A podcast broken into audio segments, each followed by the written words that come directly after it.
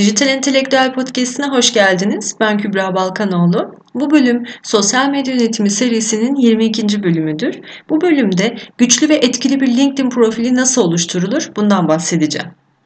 LinkedIn'e tercihinize göre ücretli ya da ücretsiz üye olduktan sonra bir profil oluşturabilirsiniz. LinkedIn profilinizi sizi en iyi anlatabilecek ve burada neden bulunduğunuzu net bir şekilde ifade edecek bilgiler içermeli. Profilinizi etkileyici hale getirecek 8 yöntem paylaşacağım.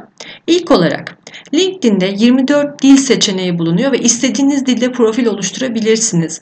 Örneğin İngilizce bir profil oluşturduysanız Türkçe içerikler girmemeye özen gösterin. Türkçe ve İngilizce profilleriniz ayrı olmalı. Bu şekilde daha doğru olacaktır. Ya tamamen Türkçe ya da tamamen İngilizce olarak oluşturmanız daha faydalı olacaktır. İkinci olarak da profil fotoğrafınızın hemen altında yer alan özet alanı ve hakkımızda alanına kendinizle ilgili etkileyici bilgiler yazmalısınız. İK yöneticileri bu özet alanını çok önemserler. CV'lerdeki ön yazı alanı gibi düşünebilirsiniz. Profilinizi inceleyenlerin ilk başta sizinle ilgili genel fikir sahibi olmaları ve sizinle irtibata geçme hissi uyandırması için nelerle uğraştığınız, hangi uzmanlık alanlarınız olduğunu sade, anlaşılır ve tam şekilde yazmanız gerekiyor. Hangi sektörlerde, hangi iş alanlarında, hangi pozisyonlarda çalıştınız ve buna karşılık ne tür beceriler kazandınız, ilgi veya hizmet alanınızın ne olduğu, ünvanınızı açık şekilde özet olarak belirtebilirsiniz. Üçüncü olarak da LinkedIn kişisel hesabınızda diğer sosyal mecralardan farklı olarak profesyonel olarak kendinizi en iyi yansıttığınızı düşündüğünüz sade, düzgün bir profil fotoğrafınızı koyabilirsiniz.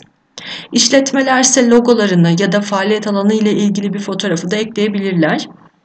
Dördüncü olarak da deneyim alanına ünvanı, şirket ismi, hangi tarihlerde çalıştığınızı yazmakla bırakmayın. Çalıştığınız ünvanlarda neler yaptığınızı, işin kapsamını, görev ve sorumluluklarınızı, deneyimlerinizi, projelerinizi çok detaylı girmeden, sıkıcı olmadan belli başlı etkileyici kısımlarını belirterek sade ve anlaşılır şekilde yazabilirsiniz. Beşinci olarak eğitim alanına eğitim bilgilerinizi de eksiksiz yazın. Lise ya da üniversiteden başlayarak yazabilirsiniz. Varsa yüksek lisans, doktora şeklinde devam edecek şekilde eğitimleri belirtebilirsiniz. Altıncı olarak da web siteniz, blogunuz, videolarınız, podcastleriniz, proje dosyalarınız, makaleleriniz varsa bunları mutlaka ekleyin. Bunları eklemeyi ihmal etmeyin. E, sitelerinizin ya da blogunuzun linkini yazdığınızda LinkedIn'den sitenize gelen trafik diğer sosyal mecralardan gelen trafiğe göre %50 daha fazla oluyor. E, linkleri eklemeyi sakın ihmal etmeyin. Ayrıca blog sayfanıza trafik almak için ara sıra makalelerinizin bir kısmını LinkedIn'de de paylaşabilirsiniz. Tamamının okunması için paylaşımınızın sonuna blog sayfanızın linkini ekleyebilirsiniz. Böylece blog sitenize de trafik çekebilirsiniz. Sıkıcı olmaması için bunu çok sık da yapmamaya özen gösterin ama ara sıra blog sayfa içeriklerinizi paylaşabilirsiniz. Çok fazla sayıda videonuz, podcast'iniz, projede makaleleriniz varsa o zaman onların konusunu hangi platformlarda olduğunu ve adedini belirtebilirsiniz. Yedinci olarak da yetenekleriniz alanı için ister işinizle ilgili olsun, ister kendinizi geliştirmek ya da eğlendiğiniz bir konuyla ilgili de olabilir. Herhangi bir yaptığınız aktiviteniz olsun, hepsini LinkedIn'e ekleyebilirsiniz. Bu yeteneklerinizin işverenler ya da bağlantı kurduğunuz kişiler tarafından onaylanıp daha fazla dikkat çekmesini de sağlayabilirsiniz. Bunun için onaylama ayarlarınızı açmanız gerekecek.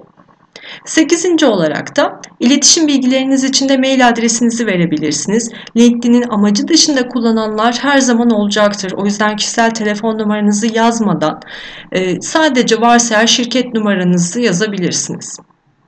Evet bu bölümde anlatacaklarım bu kadardı. Bu tür içerikler hakkında daha fazla bilgiye ihtiyaç duyarsanız bu podcast.com sitesinin blog sayfasına ya da diğer podcastlerini dinleyebilirsiniz. Podcast'in tüm erişim kanallarını açıklama bölümüne bırakacağım.